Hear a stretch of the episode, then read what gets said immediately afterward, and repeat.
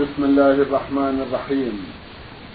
الحمد لله رب العالمين والصلاة والسلام على نبينا وسيدنا محمد وعلى آله وصحبه وسلم. مستمعي الكرام السلام عليكم ورحمة الله وبركاته. وأسعد الله أوقاتكم بكل خير. هذه حلقة جديدة مع رسائلكم في برنامج نور على الدرب. رسائلكم في هذه الحلقة نعرضها على سماحة الشيخ عبد العزيز ابن عبد الله بن باز الرئيس العام لإدارات البحوث العلمية والإفتاء والدعوة والإرشاد. مع مطلع هذه الحلقة نرحب بسماحة الشيخ. ونشكر الحظ له بإجابة السادة المستمعين فأهلا وسهلا بالشيخ عبد العزيز. حياكم الله وبارك فيكم. أولى رسائل هذه الحلقة رسالة وصلت إلى البرنامج من المستمع محمد أبو عبد الله السوداني الجنسية مقيم في المملكة. أخونا له سؤال يقول فيه كنت في رمضان ماشٍ في الصحراء واضطررت للإفطار وبعد رمضان أتممت القضاء في رابع أيام العيد وقد صادف ذلك اليوم يوم الجمعة ولم أعرف ذلك لأني كنت في الصحراء. هل صيامي صحيح؟ وهل يترتب علي شيء؟ جزاكم الله خيرا.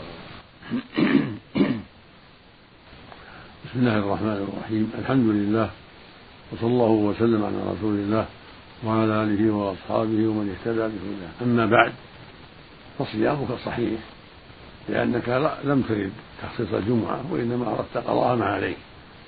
فالصوم صحيح والحمد لله. وإنما النهي في من يخصص بالتطوع فقد ثبت عنه صلى الله عليه وسلم أنه نهى عن إفراد الجمعة بالصوم.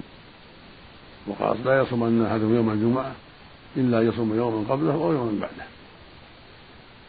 وأنت إنما أردت قضاء ما عليك. نعم. جزاكم الله خيرا.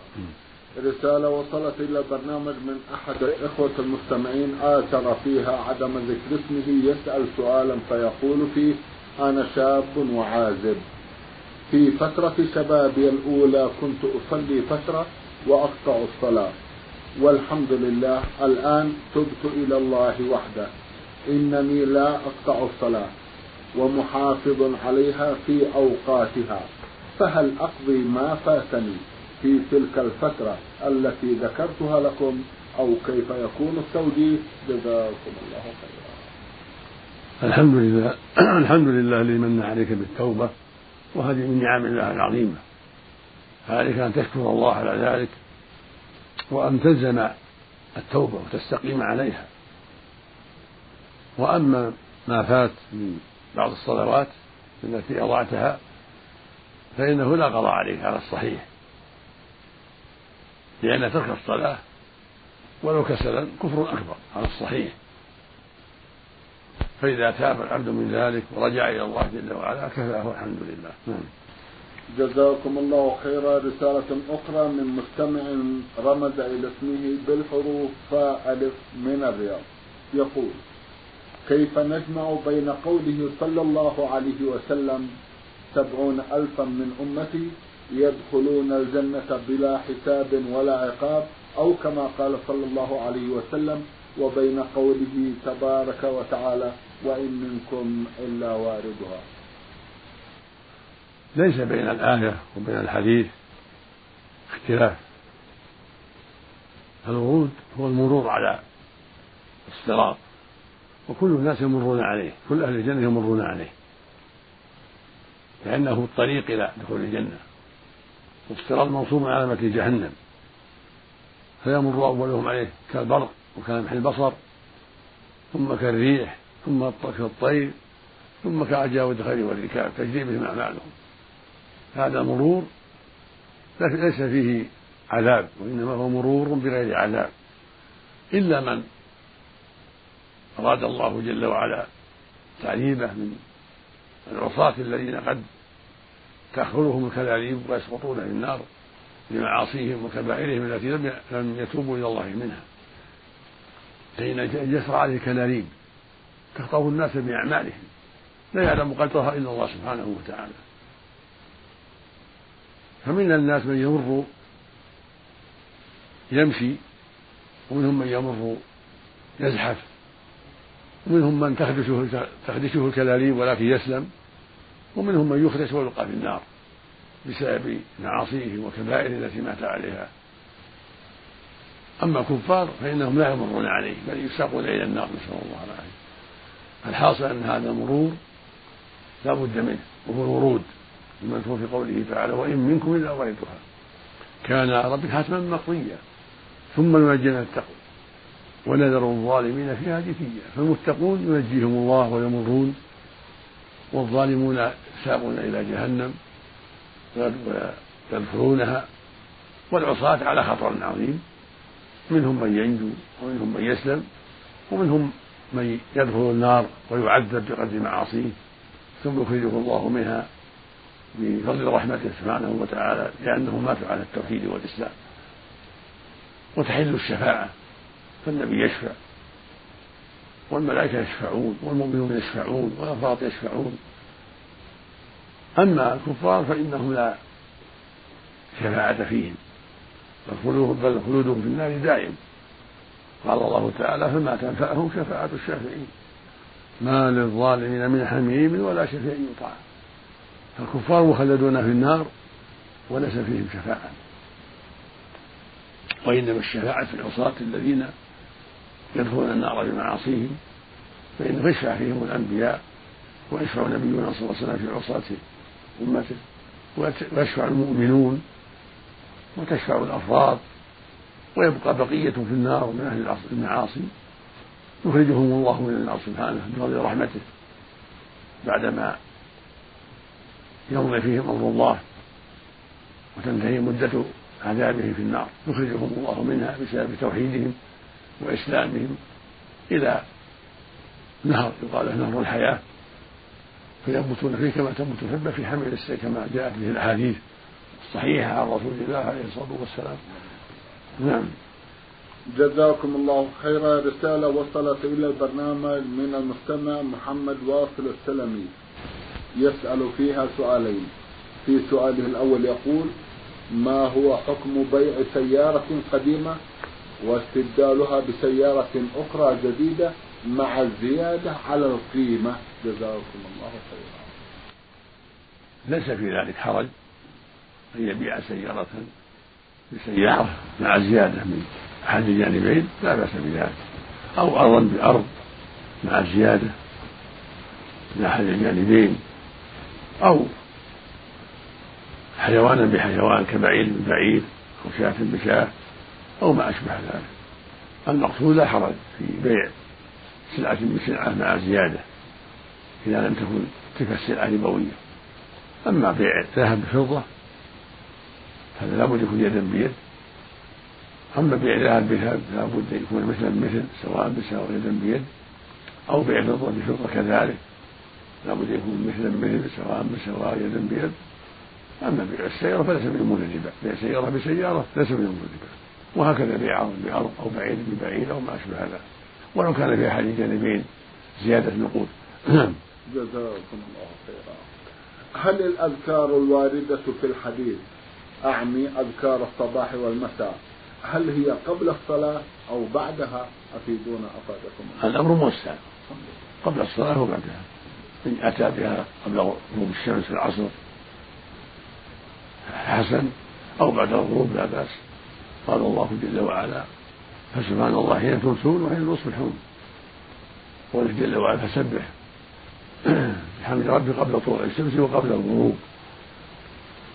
فالمقصود أن التسبيح والتهليل ونجيب الأذكار الشرعية يكون في آخر النهار ويكون في أول الليل. هذه أذكار المساء. وأذكار الصباح تكون في أول النهار قبل الصبح أو بعد صلاة الصبح أو بعد طلوع الشمس كله واسع والحمد لله. نعم. جزاكم الله المستمع حمد ميم حام من الرياض يسأل عن السجود المذكور في سورة يوسف حيث أمر يوسف عليه السلام من كان حاضرا بالسجود لأبويه. فهو ذلكم السجود. هو السجود المعروف رآه في المنام سابقا. أنه رأى أحد عشر كوكبا والشمس والقمر رآهم, رآهم, رآهم له ساجدين. نعم. ثم وقع تفسير ذلك بسجود أبويه وإخوته. لما دخلوا عليه بعد ما ولاه الله الحكم في مصر. ورد الله وجمع الله شمله بأبويه وإخوته ودخلوا عليه خروا له سجدا. السجود المعروف. هذا من خصائص شريعة يوسف عليه الصلاة والسلام. وهكما سجد الملائكة لآدم.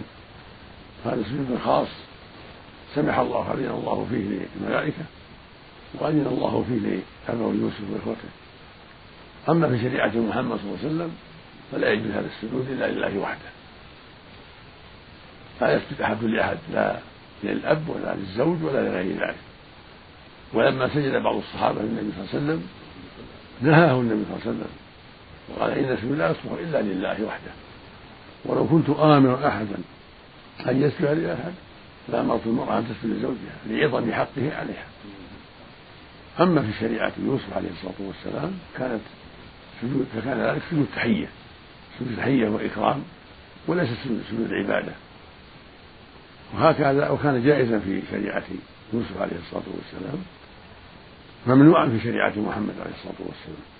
وهكذا سجود الملائكة لآدم سجود إكرام وتحية وليس سجود عبادة. نعم. جزاكم الله خيرا. رسالة وصلت إلى البرنامج من أحد الإخوة المستمعين يسأل فيها ويقول هل تخصيص الجهر بالقراءة في صلاة الليل يشمل الفروض والنوافل أم أنه بالفرض خاصة؟ جزاكم الله خيرا. نعم. يقول هل تخصيص الجهر بالقراءة في صلاة الليل يشمل الفرائض والنوافل أم أنه خاص بالفرائض؟ عام للفرائض والنفائل والنوافل يشرع الجهر. في التهجد بالليل. وفي الأولى والثانية من المغرب والعشاء كل ذلك مشروع نعم. جزاكم الله خيرا. رسالة بعث بها المستمع مصطفى صوام من ليبيا. يسأل ويقول ما حكم الدين في الشخص الذي يتناول السجائر وجهونا حول هذه القضية؟ إذ عمت به البلوى. جزاكم الله خيرا. التدخين بأنواعه لا يجوز. لما فيه من المضار العظيمة وقد نص جمع من أهل العلم الذين ألفوا في ذلك على مضاره الكثيرة ونص عليها الأطباء العارفون به فهو محرم بلا شك ولا يجوز تعاطيه ولا بيعه ولا شراءه ولا التجارة فيه. كالخمر كما يحرم بيع الخمر والتجارة فيها هكذا التدخين والقات وأشباهها من المضرات بالمسلمين وبالعباد. الواجب الحذر من ذلك وألا يتجر فيها. وألا يتعاطاها المسلم بل يحذرها غاية الحذر كما يحذر الخمر ويبتعد عنها وكما أنه لا يجوز بيعها ولا شراؤها ولا شربها كذا تدفين هكذا قال. يجب الحذر من هاتين المادتين لما فيهما من المضار العظيمة. نعم. جزاكم الله خيرا. يسأل تفسير بعض الآيات الكريمة منها قول الحق تبارك وتعالى أعوذ بالله من الشيطان الرجيم والشعراء يتبعهم الغاوون. ألم تر أنهم في كل واد يهيمون وأنهم يقولون ما لا يفعلون. على ظاهر الآية غالب الشعراء هكذا. يقولون ما لا يفعلون وفي وفي كل وادي يهيمون تراه يتكلم هنا وهنا وهنا بغير حقيقة. بل أشياء يتخيلها ثم يتكلم فيها أو يكذب لحاجات في نفسه أو لأسباب أخرى. إلا الذين آمنوا وعملوا الصالحات استثناهم الله جل وعلا فهم الذين أشعارهم طيبة ومفيدة. كحسان بن ثابت رضي الله عنه سائل الرسول صلى الله عليه وسلم كعب بن مالك وعبد الله بن رواحة وغيرهم من شعراء المؤمنين. ثم من بعدهم في عهد التابعين وعهد اتباع التابعين إلى يومنا هذا المؤمنون أشعارهم مفيدة ونافعة مثل ما قال إن من الشعر حكمة. والنبي أمر حسان ليهجو قريش اي يهجو الكفار. نعم. وقال إنه أشد عليه موقع النبل. قال اللهم أيده بروح القدس يعني جبرائيل. فالشعر الذي يصدر من المؤمن في نصر الحق وتأييده في ذم الباطل وتفريده أمر مطلوب وصاحبه مشكور ومأجور وهؤلاء هم المراد في قوله سبحانه إلا الذين آمنوا وعملوا استثناهم الله من الشعراء المذمومين. نعم. جزاكم الله خيرا وأحسن إليكم. يسأل سؤال آخر فيقول فيه أيهما أكثر ثوابا الصدقة أم ثواب القرض؟ الصدقة مطلوبة. وينبغي للمؤمن أن يجتهد فيها ويحرص على مساعدة المحاويج وهي أفضل من القرض. ينبغي المؤمن أن يحرص على الصدقة لأنها تمليك للفقير يتصرف كيف يشاء أما القرض فيرد بدله. لكن القرض مشروع وفيه فضل وفيه إحسان ومساعدة للمسلم تفريج كربة تيسير. النبي صلى الله عليه وسلم اقترض عليه الصلاة والسلام قال إن خيار الناس أحسنهم قضاء فالصدقة أفضل وأعظم نفعا والقرض مفيد ونافع ونوع من الصدقة. نعم. جزاكم الله خيرا. رسالة وصلت إلى البرنامج من أحد الأخوة المستمعين هو المستمع صالح إبراهيم محمد أحمد. الأخ صالح له سؤال يقول فيه ما حكم؟ يسأل ويقول ما حكم من صافح ابنة عمه واستمر على ذلك فترة طويلة؟ هل يعد آثما؟ جزاكم الله خيرا. مصافحة المرأة الأجنبية لا تجوز سواء كانت ابنة عمه أو ابنة خاله أو بعيدة من ذلك. يعني ابنة العم أجنبية يجوز له تزوجها. فلا يجوز للمؤمن أن يصافح النساء الأجنبيات. يقول النبي صلى الله عليه وسلم إني لا أصافح النساء. وتقول عائشة رضي الله عنها والله ما مست يد رسول الله صلى الله عليه وسلم يد امرأة قط. ما كان يبايعهن إلا بكلام عليه الصلاة والسلام. فالمقصود أن المصافحة للنساء الأجنبيات لا تجوز. وفاعلها يأثم وعليه التوبة إلى الله من ذلك. إلا إذا كان جاهلا لم يعرف الأحكام الشرعية فنرجو له. من الله العفو وعليه الحذر في المستقبل بعدما علم الحكم. ومن تاب تاب الله عليه. والله جل وعلا لطيف بعباده رحيم. فالذي لم يعرف الحكم الشرعي ولم يتساهل فلما عرف الحكم الشرعي تاب وأناب الله يتوب على التائب سبحانه وتعالى. المقصود أن التوبة تجب ما قبلها مطلقا من تاب من الذنب تاب تاب الله عليه. ولو عليك الحذر في المستقبل من المصافحة غير المحال. أما أختك وعمتك وخالتك ونحو ذلك من المحال لا بأس. أما الأجنبيات فالواجب الحذر من مصافحتهم لأن ذلك وسيلة إلى شر نعم. جزاكم الله خيرا. يسأل تفسير قول الحق تبارك وتعالى ومثل الذين ينفقون أموالهم ابتغاء مرضات الله وتثبيتا من أنفسهم كمثل جنة بربوة أصابها وابل فآتت أكلها ضعفين فإن لم يصبها وابل فطل والله بما تعملون بصير. هذا ظاهر الآية. يبين سبحانه أن من صدق وأنفق في سبيل الله ابتغاء وجه الله عن صدق وإخلاص لله وسخاوة من نفسه فإن الله يضاعف له هذه الصدقة. كما أن الجنة تؤتي ثمارها يعني بستان يؤتي ثمارة طيبة إذا أصابه الوابل الطيب المناسب.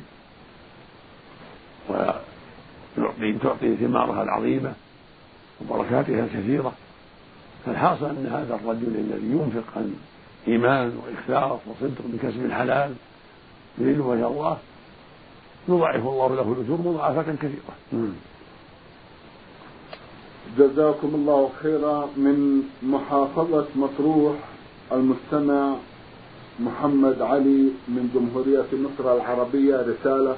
يقول فيها لي إخوة ذكور وإناث آمرهم بالصلاة ولكنهم يتهاونون فيها. فهل علي إثم وهل علي أن أغير هذا الأسلوب علما بأن والدي موجود؟ وأنا أعتقد أن ولاية الأمر له. جزاكم الله خيرا. عليك أن تستمر في النصيحة وأن تشجع الوالد على القيام بما يجب عليه من أمرهم بالمعروف والنهي عن المنكر. وللوالد ضربهم إذا بلغوا العشر فأكثر. كما قال النبي صلى الله عليه وسلم مروا أولادكم بالصلاة سبع واضربوهم على العشر. فالوالد عليه واجب عظيم أن يعتني بهم وأن يتكلم عليهم وينصحهم ويأمرهم وينهاهم. فإذا لم ينفع الكلام وجب عليه أن يؤدبهم ويضربهم. حتى يستقيموا. وعليك أن تكون عونا له في ذلك بالكلام الطيب والأسلوب الحسن. والله يقول جل وعلا وتعاونوا على البر والتقوى. ويقول سبحانه والمؤمنون والمؤمنات بعضهم أولياء بعض يأمر بالمعروف وينهون عن المنكر. ويقول النبي صلى الله عليه وسلم من رأى منكم منكرا فليغيره بيده فإن لم يستطع بلسانه فإن لم يستطع بقلبه وذلك أضعف الإيمان. فالواجب على الوالد أن يعتني بهذا الأمر إذا كان الأولاد بلغوا عشرا فأكثر. أن يعتني بهم وأن يؤدب من تخلف ولو بالضرب الذي يردعه وأمثاله من دون أن يكون في خطر. يعني ضرب غير مبرح ضرب ضربا مناسبا يحصل به المقصود. أما إذا كانوا قد بلغوا الحلم فالأمر أشد. إذا كانوا قد بلغوا الحلم فالأمر أشد. لم يستقيموا يرفع أمرهم إلى المحكمة. حتى تستتيبهم فإن تابوا ولا وجب قتلهم من لم يتب. يعني ترك الصلاة كفر أكبر. فمن لم يتب من تركها وجب أن يقتل. مرتدا في أصح قولي العلماء وإن لم يجحد وجوبها المقصود أن الأمر عظيم. على الوالد وعليكم أنتم أيها الأولاد أن تساعدوه في نصيحة الأبناء الذين الأبناء والبنات الذين لا يصلون. وهم قد بلغوا العشر فأكثر وعلى الوالد أن يعتني بذلك أكثر لأنه هو المسؤول الأول. وعلى أن يضرب من تخلف الضرب المناسب الذي يحصل به المقصود. أما إذا بلغوا الحلم فالأمر أشد. يزيد في ضربهم وتأديبهم وإذا لم يحصل المقصود رفع بأمرهم إلى ولي الأمر إلى المحكمة الشرعية. حتى تستتيبهم فإن تابوا وإلا وجب قتلهم على ترك الصلاة. نسأل الله العافية. نعم. جزاكم الله خيرا. يسأل سماحتكم عمن يسب المواشي إذا كان راع لها هل يكون آثما؟ نعم. لا يجوز سب المواشي لا الإبل ولا البقر ولا الغنم ولا غيرها. لا يجوز سبها. الرسول صلى الله عليه وسلم لما سمع امرأة سبت ناقة لها قال لا تصحبنا ناقة ملعونة لا تصحبنا ناقة ملعونة. فالمقصود أن سب المواشي لا يجوز. الرسول عليه الصلاة والسلام يقول إن اللعانين لا يكون شهداء ولا شفعاء يوم القيامة. فالواجب الحذر من سب المواشي كما يجب الحذر من سب بني آدم بغير حق. نعم. جزاكم الله خيرا. الرسالة وصلت إلى البرنامج من أحد الإخوة المستمعين ضمنها جمعا من الأسئلة في أحدها يقول إذا تزوج الرجل بامرأة وهو لا يحافظ على الصلاة حفاظا تاما بمعنى أنه يصلي فرضا ويترك آخر. ثم إنه بعد ذلك تاب وحافظ على الصلاة هل يلزمه إعادة كتابة العقد؟ عقد الزواج أم أن ما مضى صحيح جزاكم الله خيرا؟ إذا كان الزوج لا يصلي بعض الأحيان أما الزوجة وهي محافظة فإن عليه أن يعيد العقد في أصح قولي العلماء لأن ترك الصلاة كفر أكبر في أصح قولي العلماء. وذهب الأكثرون إلى أنه لا حاجة إلى إعادة العقد إذا كان لا يجحد وجوبها بل يعلم أنه فرض عليه ويؤمن بذلك. ولكنه يتساهل في بعض الأحيان. يقولون لا يلزمه تجديد العقد لأنه لا يكون كافرا كفرا أكبر بذلك ولكنه كفر أصغر. والصواب أنه كفر أكبر. هذا هو الأصح من قوله العلماء. لقول النبي صلى الله عليه وسلم بين الرجل وبين الكفر والشرك ترك الصلاة. رواه مسلم في الصحيح. ولقوله صلى الله عليه وسلم العهد الذي بيننا وبينهم الصلاة ومن تركها فقد كفر.